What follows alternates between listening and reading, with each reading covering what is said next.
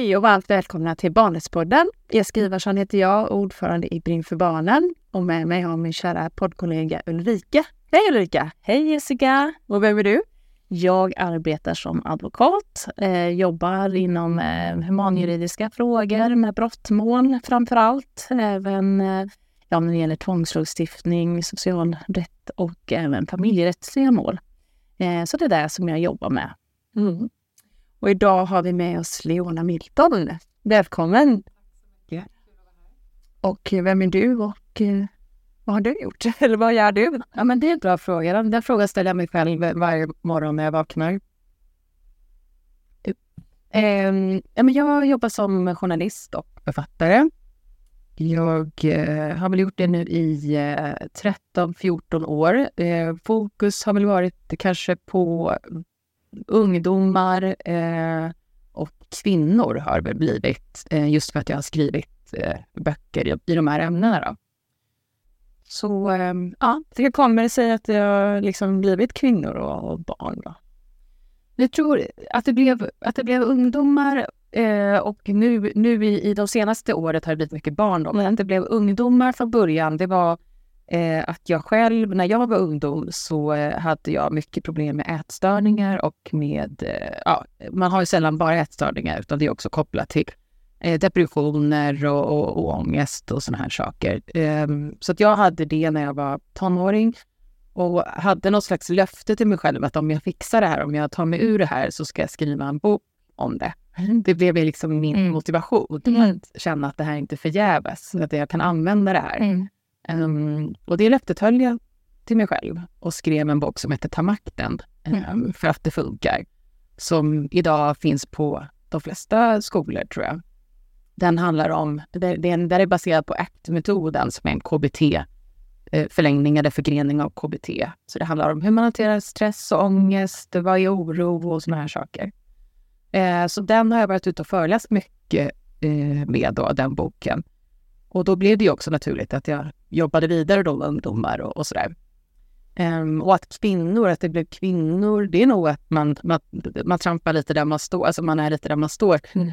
Uh, och eftersom jag själv är kvinna så är det roligt att skriva om saker som jag själv tycker är kul att läsa också. Mm. Uh, så, att, eh, så därför har det blivit både kvinnor och uh, ungdomar slash barn. Mm. Just det. Eh, och nu gällande barn så har du ny, nyligen släppt en bok eh, via Storytel då.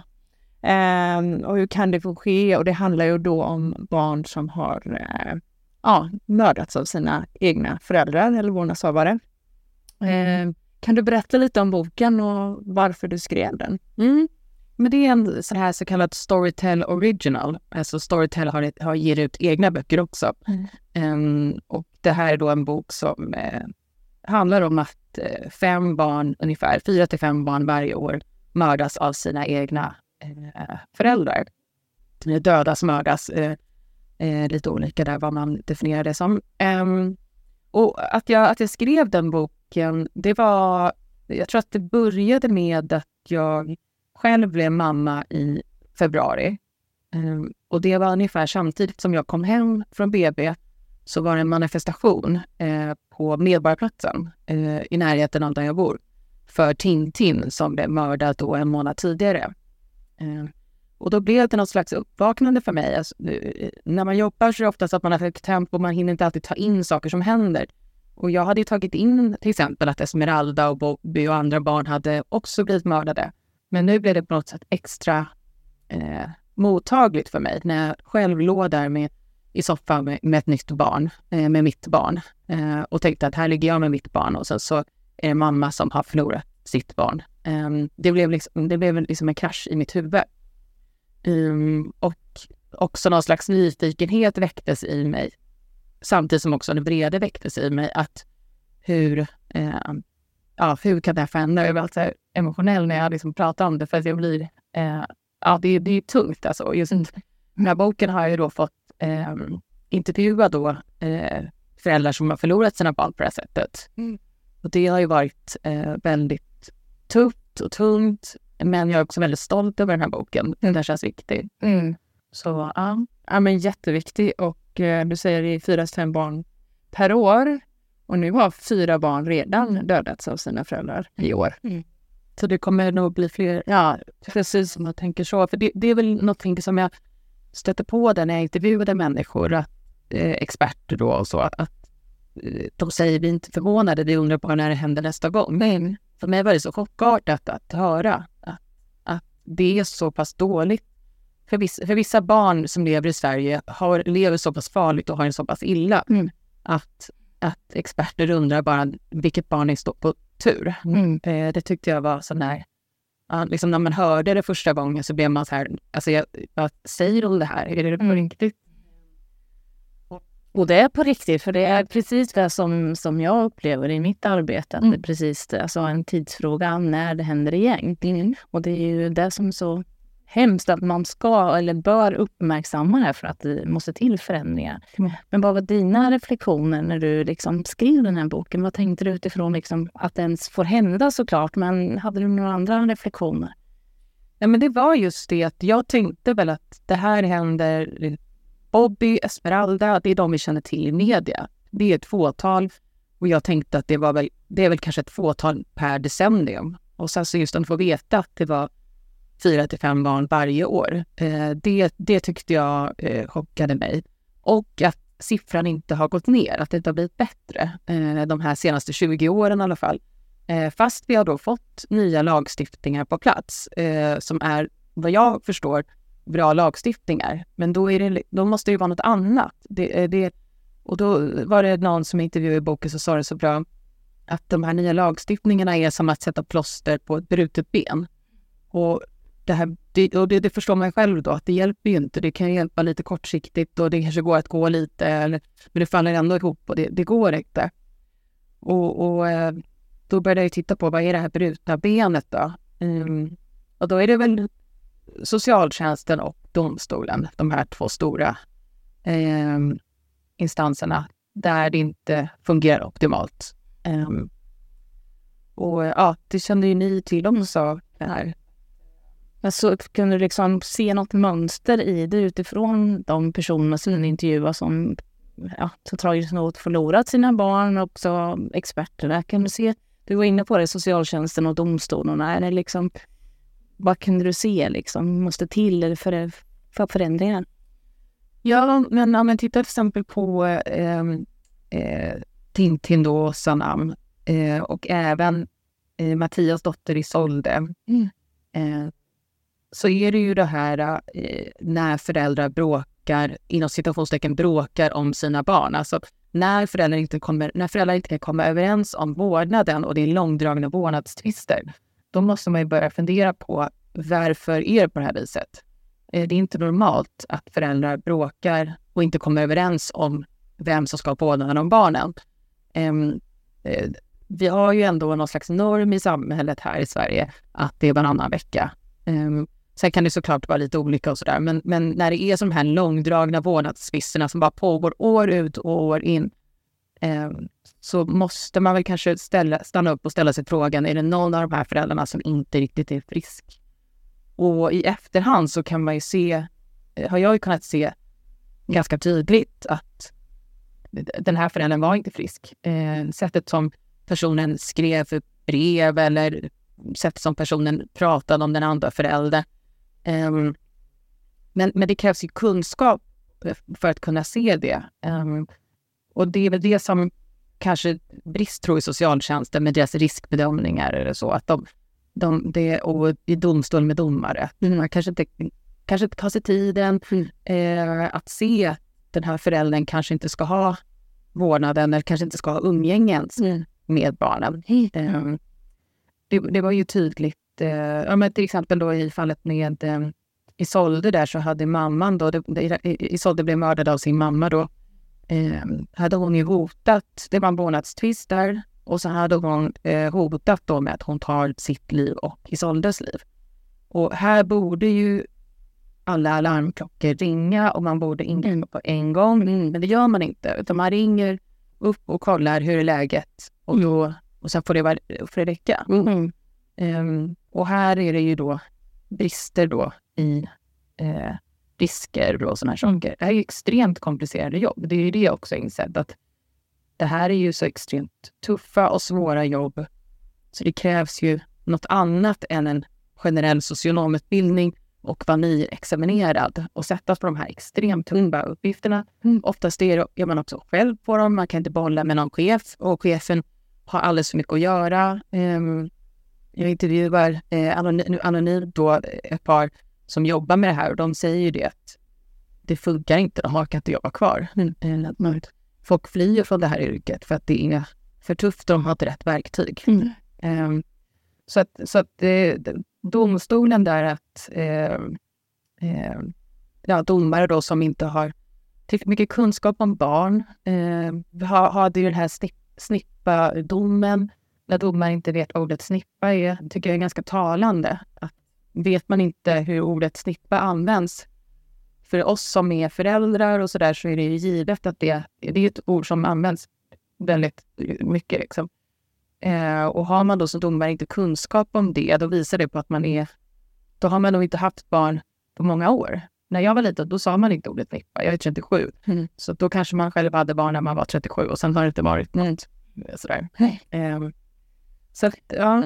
Och samtidigt känner man att, att det är så liksom det är så vi pratar i samhället idag, att man inte har så fångat upp det då. Det kan man ju tycka är underligt i sig. Men sen precis som du säger det här med domare då, att man inte har kunskap. Det var även i Tintin-fallet så, så dömde man ju till um, umgänge för att det inte hade varit fysiskt våld. Utan bara psykiskt, bara psykiskt våld. Det visar också på att man inte har den kunskapen mm. som egentligen krävs. Våga, våga ta beslut. För många gånger, både i Tintin och i Solde, så finns det ju tecken väldigt tidigt på där barnen faktiskt far illa, men ingen liksom går in och agerar, utan man bollar ju mellan myndigheten eller polisen vill inte agera för det finns ett domstolsbeslut och sen vill inte socialtjänsten. Det här är ju barnens liv. Alltså det, det är där de håller på att spela med. Mm. Det handlar inte om något annat. Eh, och kan man inte ta ett sådant beslut, och hellre att man tar ett sådant beslut att man kanske eh, vidtar skyddsåtgärder och göra det en gång än att inte göra det. Eh, och där måste det liksom bli lite mer modiga. Man är orädd och man liksom har den kunskapen precis som du är inne i. Att det finns ändå förutsättningar att kunna gripa in. Men är det inte också den här föreställningen att alla barn älskar sina föräldrar och alla barn mår bra att ha två föräldrar. Och jag tycker Björn Tingberg säger det så bra att absolut så ska barn ha två, funger- äh, två föräldrar, men det ska vara bra och fungerande föräldrar. Mm. Annars så är inte det mm. bra för barnet. Liksom. Punkt. Mm. Eh, och jag tänker också det liksom att um, som jag upplever i många fall och ärenden som vi får in, att man utsätter barnet så för, för så fruktansvärt långt lidande innan man agerar. Mm. Man gör det för att få mer på fötterna. Och jag kan inte förstå hur man ens kan tänka så, för du, du trasar ju sönder barnet under den tiden. Och där är min utgångspunkt, jag vet inte hur du, Leona, när du har intervjuat, alltså att föräldrarätten står så mycket över barnens rättigheter. Mm. Att man till varje pris försöker liksom att en förälders rätt till, till barnet istället för tvärtom. Jag vet inte vad du har... Jo, men det, jag tror att det är det. Alltså det, det är verkligen... Alltså det, det, det är ju med god vilja man vi har inställningen om att pappor är, är, är lika bra föräldrar och vi har inställningen att, att eh, föräldrar, båda föräldrarna är lika viktiga. Eh, till skillnad från kanske andra länder som inte har en inställning. Det tycker man ju verkligen om. Eh, och jag själv har ju en, en, eh, pappa till min son som är liksom absolut lika involverad som jag är i, i barnet. Så, så utgångspunkten som du säger är ju att för de allra flesta barnen så, så ska man ha eh, rätten till att eh, träffa båda sina föräldrar. Mm. Men, men, också som Björn Klingberg äh, sa när jag intervjuade honom, är ju att det här är ju, inte, det här är ju särskilda fall. Mm. Så det här är ju inte gemene, det här är inte liksom, de normala barnen vi pratar om. Det här är extremfall mm. och de är ganska få. Eh, och här kan, då kan man inte applicera samma idé mot de här barnen. Eh, för det, det var ju väldigt tydligt i, i Tintins fall att han var ju väldigt verbal och mogen för sin ålder och var väldigt duktig på att uttrycka sig. Och han uttryckte ju att han inte ville vara hos eh, sin pappa. Och ändå så skohornar man in och tolkar det minsta lilla han säger som öppnar upp för att han ska få träffa sin pappa. Så skohornar man in och så, så muttar man in honom där. Um, jag intervjuar också i boken um, kvinnor som lever gömda. Mm. Uh, och det var ett uppvaknande för mig. Uh, det är alltså kvinnor som lever um, helt gömda och förmodligen kommer göra det resten av sina liv. de har, eh, männen har dömts för olika våldsbrott, både mot eh, de här kvinnorna men också eh, mot andra. Det, det, det, är uppenbart att det här är män som är kriminella. Mm. och ändå så ska de här kvinnorna eh, bråka i domstol om vårdnaden. Och för mig då som, som kommer från en sån här kärnfamilj och har levt lite, eh, lite, med, eh, har levt lite skyddat sådär. Det, det är nog därför också jag skriver mycket här, för jag blir så förbannad varje gång jag förstår att andra inte haft det så som jag haft det. För jag bara räknar med att i Sverige så ska barn ha det bäst i världen. Eh, så när jag börjar förstå att det inte är så, då blir jag så arg. Så då, så här, då måste jag skriva om det. Mm. Eh, och jag blir förvånad också. Nej, men då, då de här kvinnorna då måste då bråka om vårdnaden och så, så blir det då eh, umgänge med de här männen. Mm. Eh, videosamtal där de ska sitta och hålla upp, vid, hålla upp eh, alltså mannen då eh, för en treåring som bara hoppar runt och har inget värde av att sitta och prata med sin pappa som de ofta är traumatiserade och andra barn som är jättetraumatiserade. Det är liksom en situation som man undrar så här, vem vinner vad där vinner på det? Och det är ju bara pappan som vinner. Mm. En pappa som, som förmodligen inte har varit så eh, engagerad i barnets liv innan. Och, och, det här är mer sätt att kontrollera och alltid ha kvar den här kvinnan i sitt liv. Um, och också så här, situationer som de har berättat för mig eh, när de har skickat iväg sina barn på umgänge då. Ibland har det varit övervakat, men ibland har det inte varit det. Och då är det med en känsla av att vi vet inte om vi får tillbaka, eller vet inte om jag får tillbaka ditt barn. Mm. Det tycker jag eh, det har, eh, har varit sådär. Så att jag intervjuade flera sådana kvinnor. För jag, när jag hörde första gången så var jag så nej men det här kan inte stämma. Jag måste mm. Kolla det här. Och, liksom, det, här det här är ju för knasigt. Mm. Som tur var så verkar det ju ha eh, blivit lite bättre nu vad jag har förstått. Jag är inte alls bra på lagar och regler och sådär. Men eh, att lever du på skyddat boende så behöver du inte skicka iväg dina barn i alla fall. Mm. Det är eh, någon ny lagstiftning där, om jag förstått det rätt. Eh, så att jag tror att, jag tror, jag tror så här med mycket, samma sak med Esmeralda, det som hon var med om. Jag tror att för de flesta av oss som, har, som lever med normala föräldrar och haft en normal uppväxt så är det så mycket, eh, så mycket som vi inte förstår. Mm. Eh, och till exempel hur hon hade det, att hon växte upp i den här trygga eh, trygga eh, familjen eh, med Melinda och, och, sina syskon. Från att hon var sju veckor gammal. Eh, och sen plötsligt när hon blir tre så, så dras allt det där bort från henne. Och hon placeras på ett, på ett ställe med människor som hon aldrig har träffat innan. Som är hennes biologiska föräldrar, men där man inte gör några kontroller och, och så vidare. Den, den historien har vi ju hört och så, men jag har också med den i boken.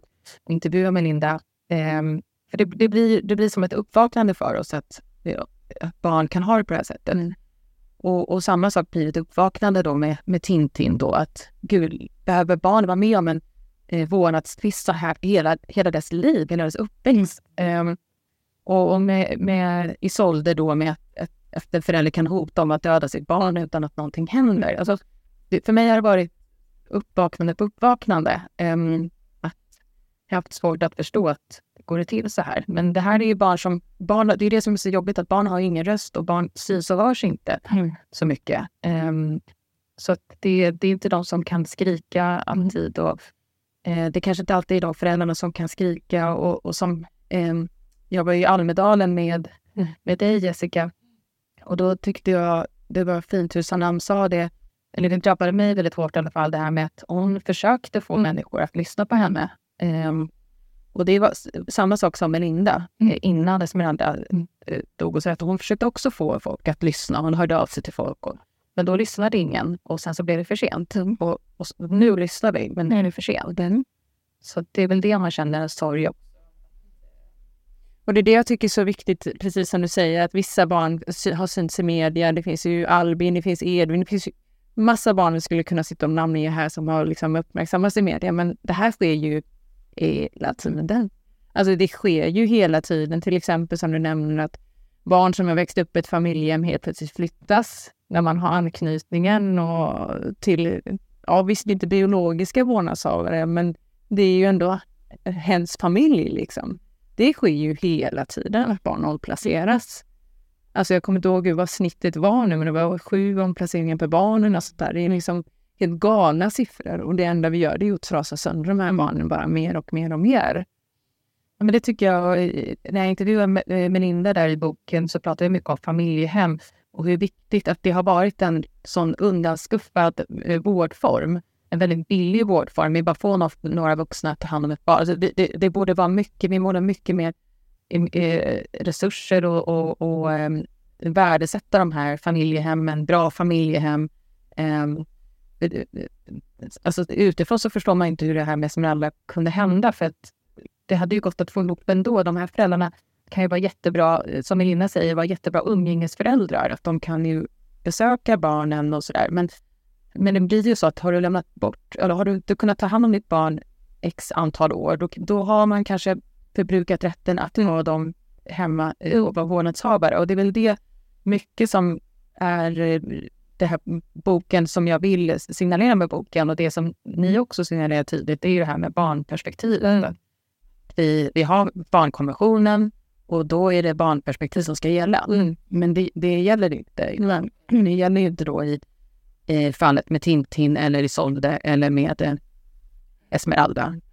Nej, men precis som du säger så att man har förbrukat sin rätt. Jag kan väl se det mer som att barnet har funnit sin anknytning någon annanstans. Liksom på grund av att föräldraförmågan har brustit. Ja, för mig är det så här... I vart fall så har ju föräldrarna bevisa på att, man har, att det har skett en förändring. Att man inte har missbruksproblematik, att man inte är våldsam eller någonting. Men, men det ställs inte sådana krav.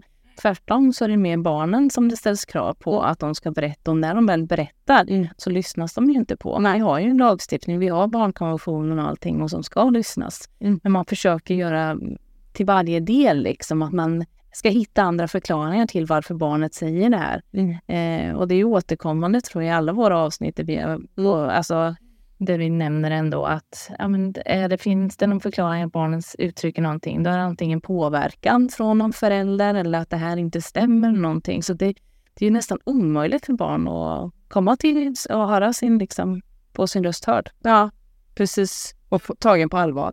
Ja, och det, det tycker jag mycket sådana här experter i boken eh, säger också, just det här med att vi, vi måste ha experter som är duktiga på att lyssna på barn. För att då, då går det, är man duktig på att ha barnsamtal, alltså man är utbildad i det och så, då kan man ju läsa mellan raderna och förstå vad barn inte säger och vad barn säger. Och, eh, vad som Melinda sa i boken där också, att alltså, även små barn kan uttrycka sig. Och, eh, men vi måste ju då lyssna och veta hur vi tolkar saker rätt och, och sådär.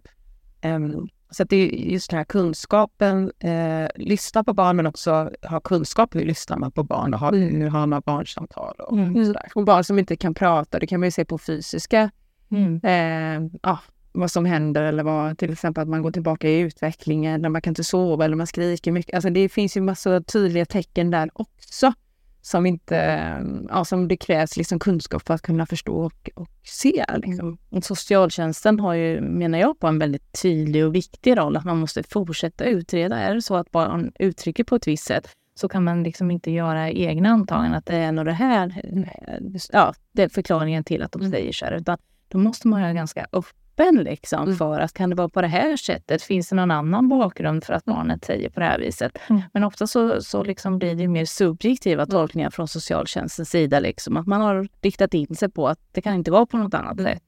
Eh, och då tappar man ju kanske de egentliga förklaringarna till varför barnen uttrycker på det här viset. Mm. Och sen tänker jag också det här med umgänge, att man tvingas till umgänge, inte bara utifrån vårdnadstvister utan även placerade barn då som far illa eh, och man också oftast får en förklaring från socialtjänsten som säger då att ja, men det, är normalt, det, det är normalt att barnet reagerar och må, ja, mm. på olika sätt. Och så, då tycker jag också Björn Tingberg säger det så bra att ja, det kanske är normalt, men ska de verkligen behöva liksom reagera så? Är det verkligen för barnets bästa mm. att må så? Det är väl det som borde vara. Jag kan förstå att det är normalt, men ska de verkligen behöva må så dåligt? Liksom? Och mår de så dåligt så sätter man in oftast resurser liksom för att stödja barnen för deras reaktioner. Det är inte det att man sätter in insatser för den förälder som faktiskt orsakar det här. Nej. Utan att barnen ska behöva anpassa sig ja. utifrån det här, vilket är ju helt fel och ja. oacceptabelt. Få genomlida det. Mm. Ja, jag tänker att det är bättre att vara... Alltså de här barnen då, det, det är ju siffran fyra, fem som jag återkommer till. Och det, det, är ju det som är det viktiga här, att få ner den siffran. Mm. Eh, det, det, blir väldigt tydligt. Får vi ner den siffran, då har, då har man gjort någonting rätt. Ligger den kvar, då har vi gjort något. Eller kanske ökar nu som det ja, gör i år. Då. Ja, exakt, då har vi gjort något fel.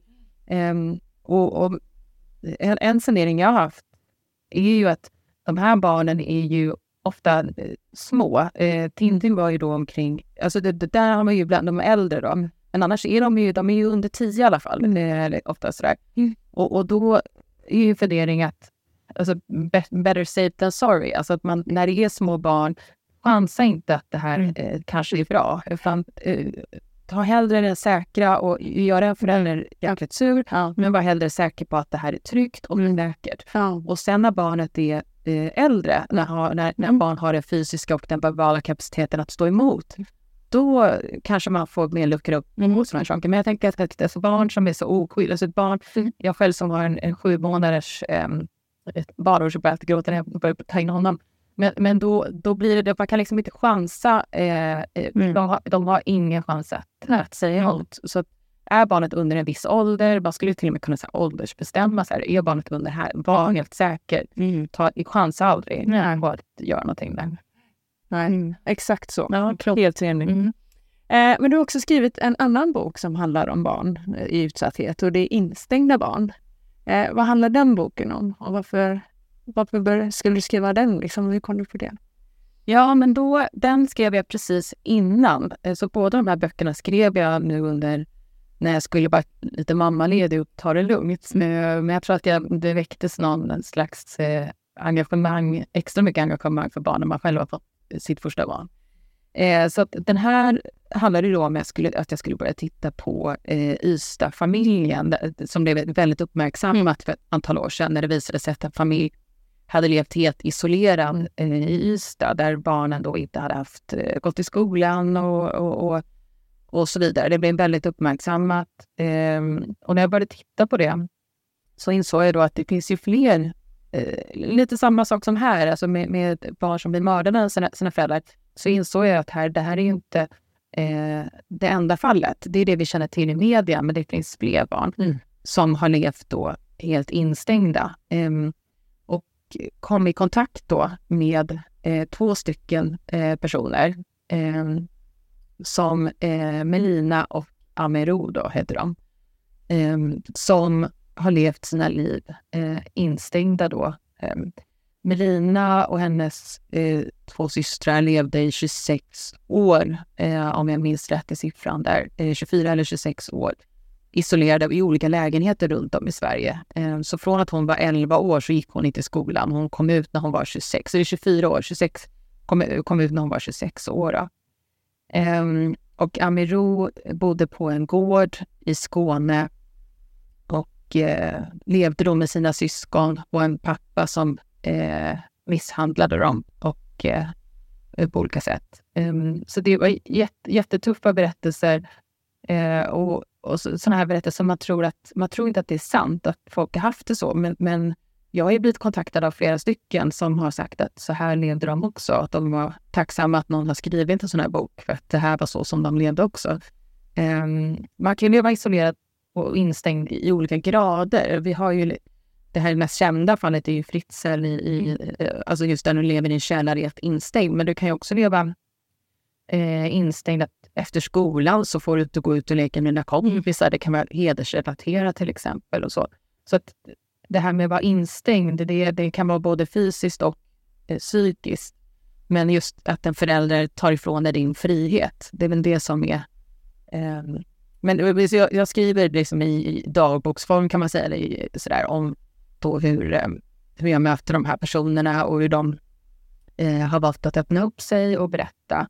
Just för att de har valt att berätta för att eh, belysa eh, brister som vi har också i socialtjänst och inom skolväsendet mm. och inom det här skyddsnätet då, att vi har inte koll på alla barn. Nej. Vissa barn försvinner och vi vet, vi vet inte mm. var de tar vägen.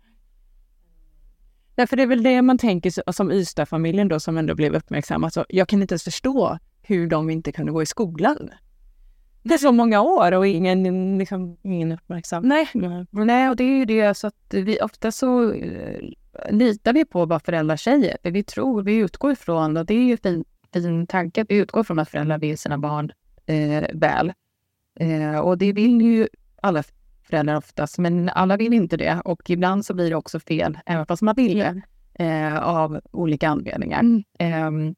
Så att det man inte hade gjort då, det var att man inte hade kontrollerat att den här online-skolan som de menade att de hade skickat sina barn till, eh, faktiskt eh, hade tagit emot de här eleverna. Det hade räckt med ett mejl så hade man fått reda på att eh, så var inte fallet.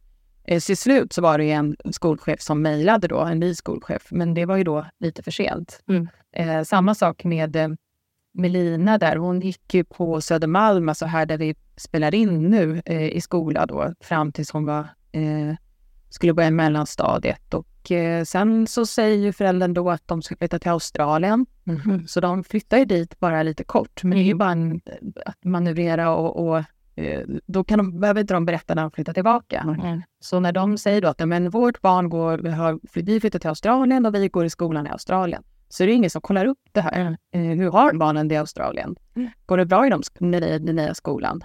Eh, utan de flyttar tillbaka och sen lever de under radarn och flyttar hela tiden. Mm. Eh, och med eh, Amiro så var det ju att de hade hemskolning.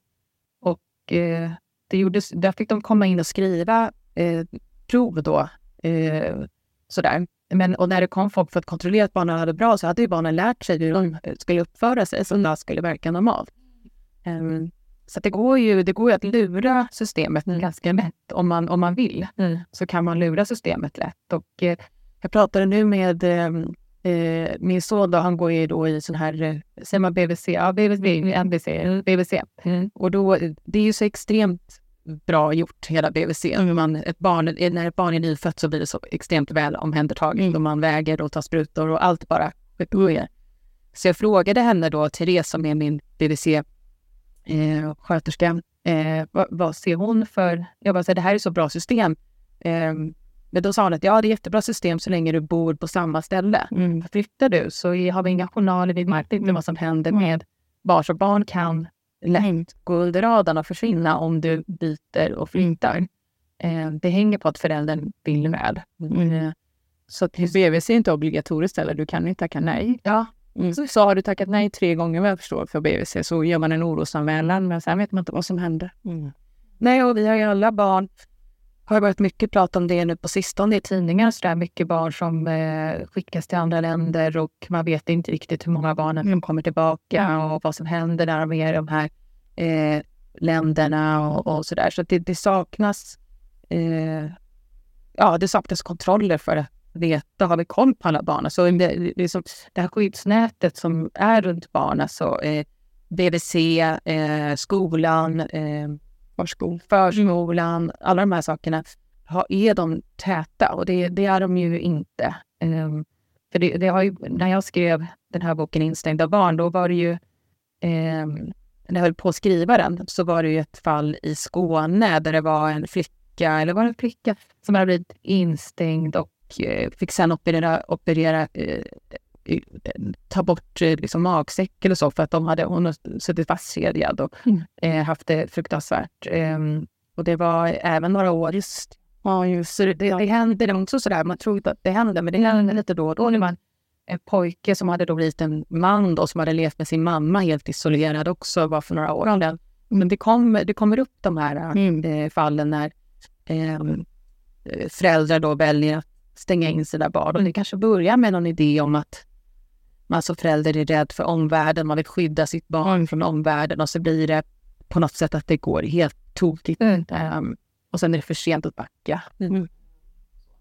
Men jag tänker på det, just det här som vi säger att ett barn flyttar eller det som händer där. Att vad har egentligen förskola, skola för liksom plikt, tänker jag. För att jag hade faktiskt, jag har en vän som jobbar som skolkurator som gjorde exakt det. Hon, hon ringde eh, föräldern och frågade var är ni någonstans? Eh, barnet skulle varit här i skolan. Ja, nej, men vi har flyttat till London. Jaha, okej. Okay. Då vill jag ha... Då vill jag för det första prata med barnen för att se att de är okej. Okay. Så då pratar de, ja, nej, men vi har flyttat till London. Okej, okay. vilken skola ska ni gå på? Ja, vi ska gå på den. Då ringde hon den skolan och frågade, är de anmälda här? Ja, det är de. Okej, bra. Men då kommer jag ringa tillbaka igen om två veckor och se om de är i skolan. Mm. Det är ju men, det är, men då blir det personberoende. Hon gör det för att hon är så engagerad. Mm. Men fin- Det borde vara rutin. Ja, men det är klart. Det är så, det, för det är så som det ska vara. Att, eh, att någon kontrollerar och, och sådär. Det, det, det tar inte mycket tid i anspråk heller. Alltså det är ju eh, googla upp lite telefonnummer och ringa och sen så har du fått svar. Mm. Så det gäller ju bara att någon gör det. Mm. Mm. Men också, eh, jag intervjuade Björn Tingberg också i min bok och då eh, sa ju han eh, det här med att eh, försummelse som jag tycker är viktigt, som var också ett mm, lite nytt begrepp för mig Mm. eh, som kommer utifrån som journalist. Ehm, och just hur, hur mycket vi kan piska upp av små tecken att barn då, ja men barnet eh, har smutsigt hår eller barnet har inte rätt kläder för årstiden. Eh, tandläkaren kan fånga upp mycket saker, att man börjar titta på de här små tecknen på att det inte funkar där hemma. Mm. För att eh, det här är ju, nu, är de här barnen som jag skrev om som är instängda, det var ju inte så att det var toppen innan, utan det, det, är ju, det hände ju saker innan. Mm. Sen, ehm, så att, men det går kanske att fånga upp saker också. Det sa till exempel Amiro då, att det här med eh, tandläkaren hade kunnat vara en sån sak som hade hjälpt dem. För de hade jättedåliga tänder. Mm. Att det, det, det var inte någon rutin där att borsta tänderna och sådär. Så att eh, just detta, att få upp rutinen på eh, att titta på försummelse och så, den tycker jag mm. Och Björn Tingberg är med i säsong ett av Barnrättspodden och då pratar vi mycket om försummelse. För försummelse är försummat i samhället idag, menar han på. För att det är många som inte förstår vad det handlar om. Mobbing går ofta vilse i vuxenperspektivet och ser, förklarar bort varför barnen inte får liksom de, ja, tillgodose deras behov. Ehm, och sen tycker jag det är så bra att han eh, eh och just det där med att barn blir försummat, att det är oftast i andra saker också. Det är kanske inte bara det här att de inte får rätt kläder, utan ofta är det andra utsattheter de har också då när de är försummade. Mm. Så att försummelse är jätteviktigt att kunna uppmärksamma och göra någonting med. Ja, men jag tänker att det jag, jag som hundägare eh, ser man ju sådana här tv-program på hundar som far illa och sådär i hemmet och så. Och har en hund eh, dåliga tänder, för långa klor och har inte fått sin päls fixad och allt vad det är.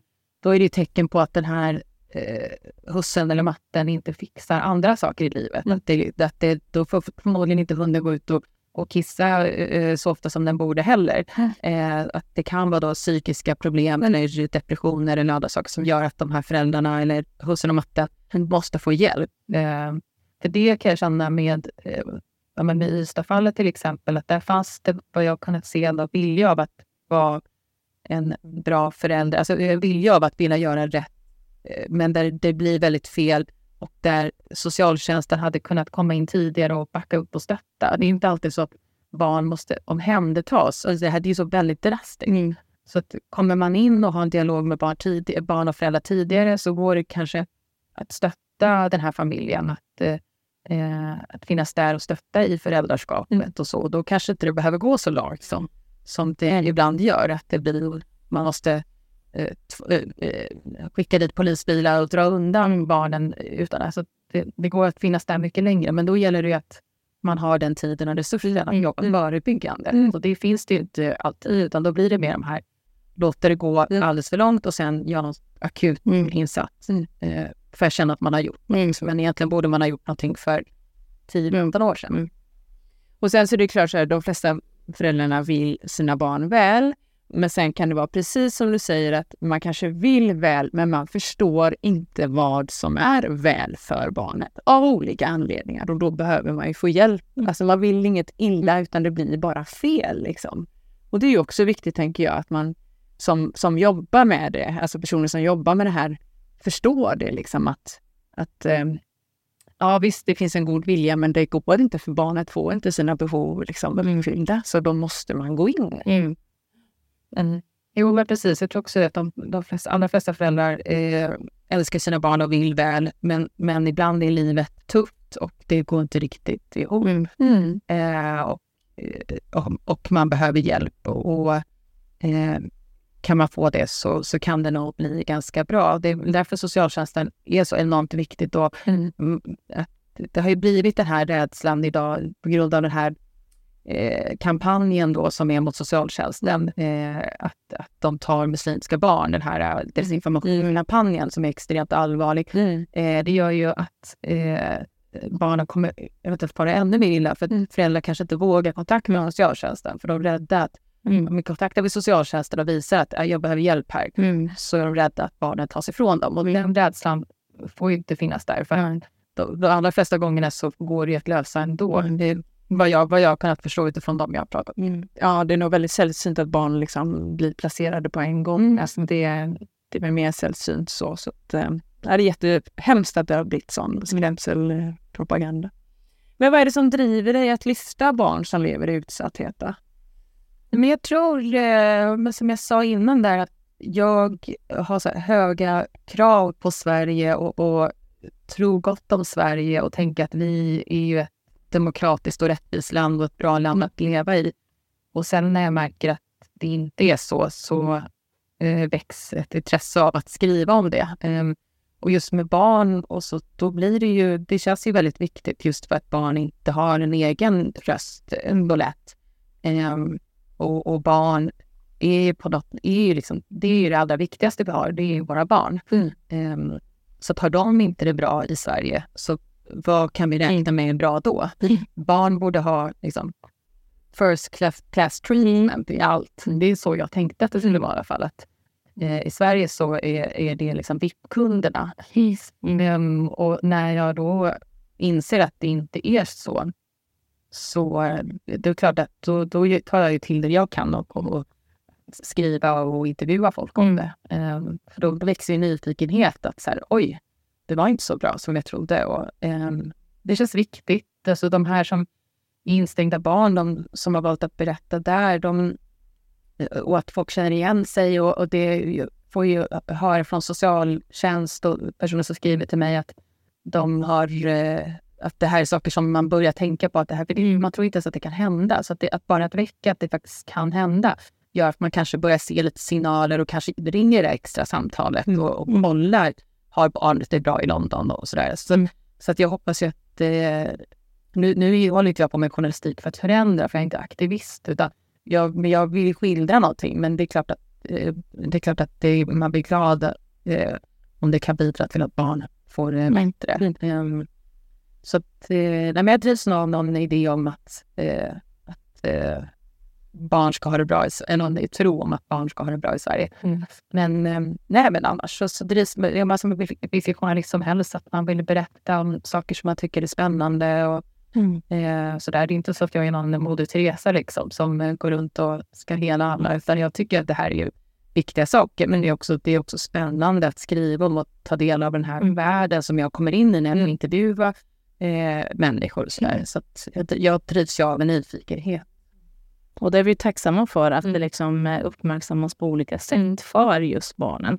Det är en sak liksom ur min aspekt, min juridiska och även liksom att det är ideella organisationer och ni journalister som liksom tillsammans eh, bidrar med de här krafterna. Liksom. För, för hur, nu vet inte jag om du liksom, men, men hur tror du all, allmänheten i Sverige, tror du de har den kunskapen eller? Men jag tror, eller jag, tänk, jag tänker att jag är ganska medelkunnig på det mesta. Eh, så jag kan typ det som de flesta kan och inte så mycket mer. Jag är inte så bra på På spåret och såna här saker. Så att, och jag, för mig har att skriva båda de här böckerna har varit eh, väldigt ögonöppnande. Eller jag har lärt mig mycket och fått, in, fått lära mig mycket nytt. Så jag tror nog inte riktigt att alla vet. Eh, alltså kommer du, har du, kommer du från en eh, vanlig bra familj och du har, då är väl det värsta du varit med om att någon i klassen skil, skilde sig, liksom, eller som att man har bonusbarn eller den biten. Men just det här som vi ser då, där familjehemsplacerade och och olika hem som de placeras på SIS-hem. Alltså, det tror jag att vi kanske, vi kanske läser lite rubriker i tidningar, men man har inte riktigt... Som det här med gömda kvinnor, hur de har det med eh, att de måste lämna ifrån sig sina barn när de är på boende till exempel. För mig var det ju så här att jag, intervjuade Olga Persson om det. Eh, i boken då. Och, och när hon sa det så var jag så här att jag trodde, det var då jag behövde liksom kolla på fler sätt för jag var så här, det här det, det är inte logiskt i huvudet att du har flytt från någon som du riskerar att bli dödad av. Och dina barn har blivit vittnen till. Och vi har ju barnfridsbrott så de är ju också brottsoffer. Och ändå ska de ehm, eh, behöva träffa den här förövaren då. Eh, och det, som, som sagt, när barnet är tonåring så kanske barnet själv kan göra bedömningen att jag saknar pappa och pappa har blivit helt annorlunda nu. Men, men en treåring, det känns inte riktigt som att en treåring gynnar av det, utan en treåring behöver nog bara få lugn och ro mm. och eh, vara nära sin trygghet som då är mamman. Mm. Men, men, det som jag också vill säga, det är ju att eh, något som var nytt för mig det här med eh, i den här boken om barn som dödas av sina föräldrar, det är ju att det är lika många eh, mammor som pappor mm. dödar. Mm. Så det finns ju också bilden av att det kanske bara är då eh, pappor som gör det eller så, men det är alltså lika många mm. mammor. Mm. Och det var ju Isoldes fall. Mm. Så det är lätt, man, man ska inte bli så lurad och tänka, utan det, det är lika vanligt med båda två. Ja, nu var det en mamma igen då ju. Eh, och eh, den mamman som ställde sig framför tåget här för några år sedan i Hässleholm mm. var det väl. Mm. Eh, så, så är det ju absolut. Jag tänker Edvin var också mamma som var ströp sin lilla pojke. Så jag menar, mm. eh, men, men det är väl också det här med psykisk ohälsa som jag tycker är eh, också försummat i Sverige idag. Att man tar inte det på allvar när föräldrar har psykisk ohälsa. Nej, och det värsta som jag upplever i, i mitt arbete är väl att man, eh, precis som man liksom försöker att alarmera om att det finns den här psykiska ohälsan och men att eh, den psykiatriska liksom, eh, vården inte är rustad idag. Och det är ju också en del i, i det hela, som jag ser det, som man kanske inte riktigt lyfter, utan man har andra förklaringar till det här. Men som många liksom uttalar att man ska göra sig själv illa eller barnen illa och då kommer man till de psykiatriska klinikerna, men man har inte resurser liksom mm. att ta emot det här. Och sen några dagar efter så blir det väldigt tragiska utgångar. Mm. Ja, oftast det, det är ju stuprör där med journaler återigen. Alltså där, jag har ju intervjuat folk där som berättar att, att eh, en, en förälder kan uttrycka att de vill döda någon. Mm. Och det blir inte någonting som domstolen får veta när de ska göra bedömningen vem som ska få vårdnad och så mm. vidare. Mm. Så de har inte insikt i att den här personen har eh, väldiga problem eh, psykiskt. Mm. Eh, det var ju då eh, till exempel den här lilla flickan som blev mördad av en, en man då för x antal år sedan och så, så visar det sig nu att han fick vårdnaden om då sitt barn. Och i domstolen, vad jag förstått, så fick man inte ens veta att han mm. hade mördat då eh, för x antal år sedan och att han hade haft mm. väldiga psykiska problem och så. Eh, utan han då fick vårdnaden om sitt barn. Eh, och då kan man ju tycka att det om något borde väl vara relevant när man bestämmer vem eh, mm. umgänge och vårdnad och så vidare. Att få veta om någon har eh, väldigt mycket psykiska problem. Mm. Så det, där måste det till, ja precis, psykiatrin är ett område i sig där det är jättemycket brister, men också just att eh, man måste ha något samarbete mellan mm. och psykiatrin och domstolen så att man får veta. Mm. Men det måste ställas återigen krav liksom, på föräldrarna att visa, för många gånger så hamnar Alltså det ställs en fråga, finns förekommer någon psykisk ohälsa? Nej. Och sen så går man vidare och så tycker man ändå att barnet ska ha ett umgänge. Ja, ja. Eh, och det finns liksom inget underlag för domstolen att kunna fatta de här besluten. För det finns liksom inga krav att man ska in det. kräva in. Nej, men där går ju sekretessen in. Samtycker man inte till att lämna sina journaler så kan man inte ge ut sina journaler heller. Och den andra föräldern som påtalar det, som kanske levt i den här relationen och visar på, kan ju inte heller begära ut det. Um, så där, där är det ju... Det är ju ett hål i systemet, verkligen, tycker jag. Mm. Då har man ju inte all fakta på bordet egentligen för att ha ett beslut. Nej, då kan man ju tycka med sekretess, då, säga, ja men då, då har du inte rätt att uh, kämpa för ditt barn här. Du får välja lite vad du vill. Du kan inte både så, kräva vårdnad och umgänge men inte vilja lämna. Mm. Precis. Så då kanske man får välja lite sådär. Mm ja, men vill du inte lämna ut sekretessen, då ligger det i dig i fatet. Mm. Då får vi ta hänsyn till att då får man nästan räkna med att det finns något där. Mm. Ja. Och där ser vi också liksom en skillnad i vård, alltså familjerättsliga mål med vårdnad, boende och umgänge. Det är liksom ingen krav heller på att en förälder ska kunna visa på att man är drogfri eller alkoholfri. Men just nu när man har tagit omtag med lex Lilla hjärtat mm. så, så har man ju ställt de kraven där att man måste kunna påvisa, eller man skulle kunna kräva att man visar de här så där ligger ju den familjerättsliga liksom, delen väldigt långt efter. Mm. Eh, och skulle behöva ske förändringar och ställas mer krav på föräldrarna att kunna visa det här. Mm, verkligen. Men ehm, eh, jag tänker nästa projekt, Leone, har du påbörjat det? ja. Nej, men ingenting barn, inget barn hanterat så, men det dyker säkert upp. Alltså det, det, jag det, det, har tyckt det har varit jätteviktigt och känns väldigt meningsfullt att skriva de här två böckerna. Mm. Så att, ehm, och just nu när jag har blivit mamma själv så, så tror jag såklart att jag hade brytt mig jättemycket ändå. Men, men eh, det är alltid sådär att det har blivit en, en extra dimension tror jag på något sätt. eh, Kanske. Eller så har det inte blivit det. Men, men eh, så det får man väl se eh, framöver vad som händer. Men inget, inget planerat. Ja. För jag tänker så här, så som vi i Brinn för barnen tänker, vi vill sprida kunskap så mycket som möjligt för det, det skapar ju förändring. Liksom. Eh, och jag tänker det är så viktigt att ni journalister uppmärksammar på olika sätt. Verkligen. Det skrivs ju mycket, jag tycker många är duktiga på det. Eh, men det behövs mer, liksom. spridas till allmänheten mer på något sätt. Ja, nej, men det är ju det som är fördelen med eh, att vara journalist och sådär. Det blir ju, när man skriver om något så får en annan, alltså då, då lyssnar politiker och det Mm. man bjuds in till tv. Jag var ju i Nyhetsmorgon på båda de här böckerna och, och det, det är klart att då, då och tidningar och allt vad det är, det blir ju en annan...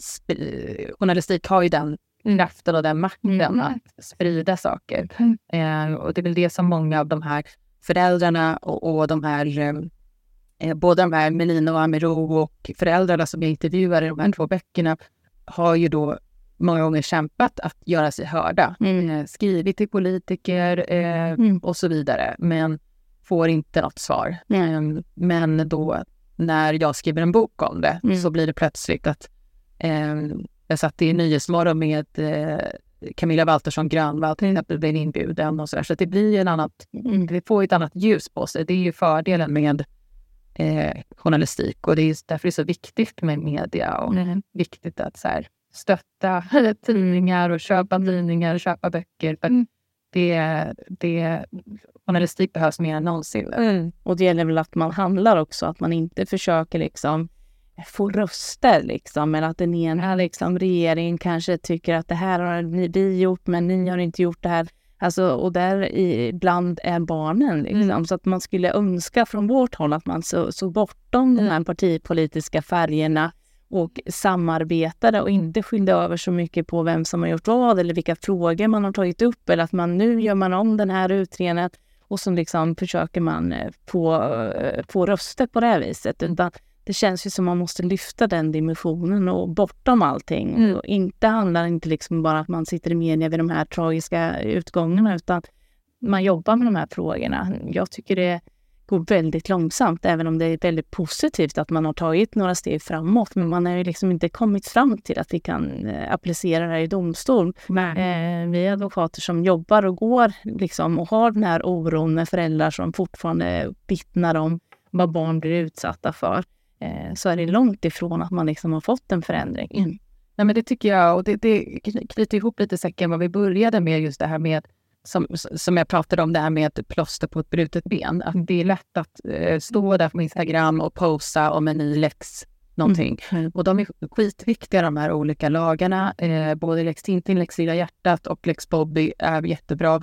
Men, men det, eh, det politiker, det är, lite, det är inte lika tacksamt jobb att ta tag i det här brutna benet. Och det krävs något annat och det krävs att kanske olika regeringar samarbetar med varandra.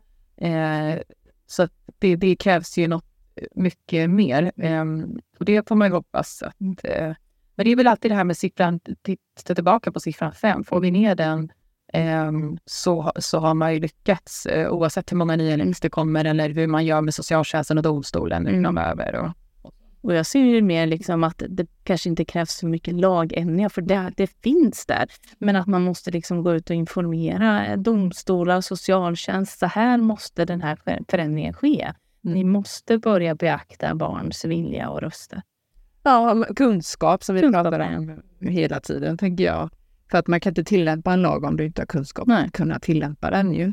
Och sen tänker jag också det här med att... Eh, men jag, jag, vi pratar ju så mycket om föräldrarätten och den starka föräldrarätten, så där, där krävs ju någonting, tror jag, för att kunna få en skillnad i många olika lagstiftningar, tänker jag. Mm. Så. Men eh, vad ska du att våra lyssnare tar med sig från det här avsnittet, Lune?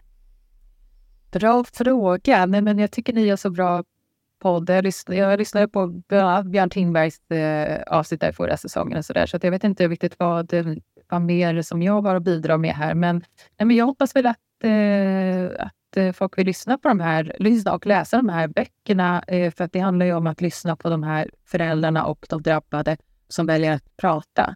Eh, för det var ju därför jag eh, valde att skriva då det här. För att jag vill inte att det ska vara att man bara skriver om något här sensationellt som har hänt och sen så släpps det bara. Utan jag vill ju liksom intervjua experter och vill förstå det här långsiktigt. Och, eh, så att min tanke har ju varit att det här inte ska vara att man grottar i, något, grottar i hemska fall och så släpper man det. Utan det här ska vara, eh, ska vara något, något annat. Så att jag hoppas att man vill lyssna på de här drabbade berättelserna. Alltså de här drabbades eh, berättelser. För nu väljer de att berätta och det är viktigt att lyssna. Mm.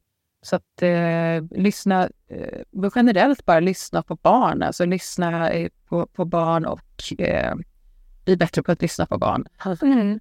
Mm. En bra sammanfattning. Mm. Lyssna på barnen. Mm. Ja, men tusen tack Johanna för att du kom hit. Mm. Tusen tack. tack.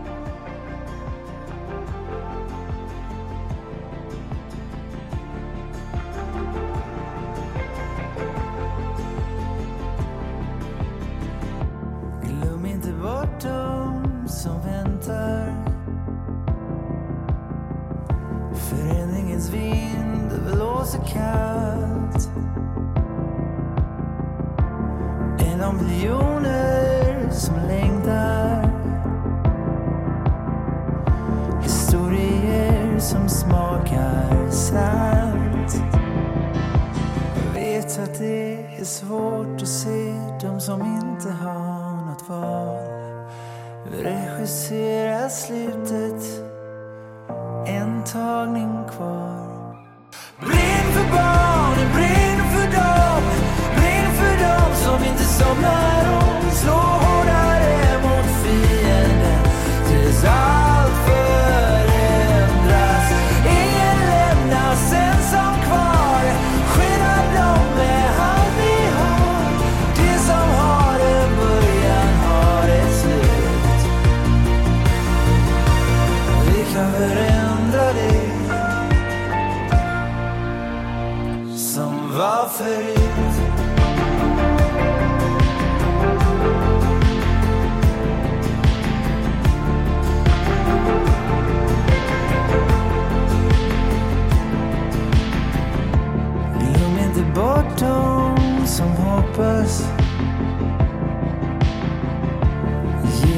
Chans att hitta hem. Låt slaget slå i lilla hjärtat. Tystare slag som slår igen. Regissera slutet. En tagning kvar. Blind för barn the sunlight on.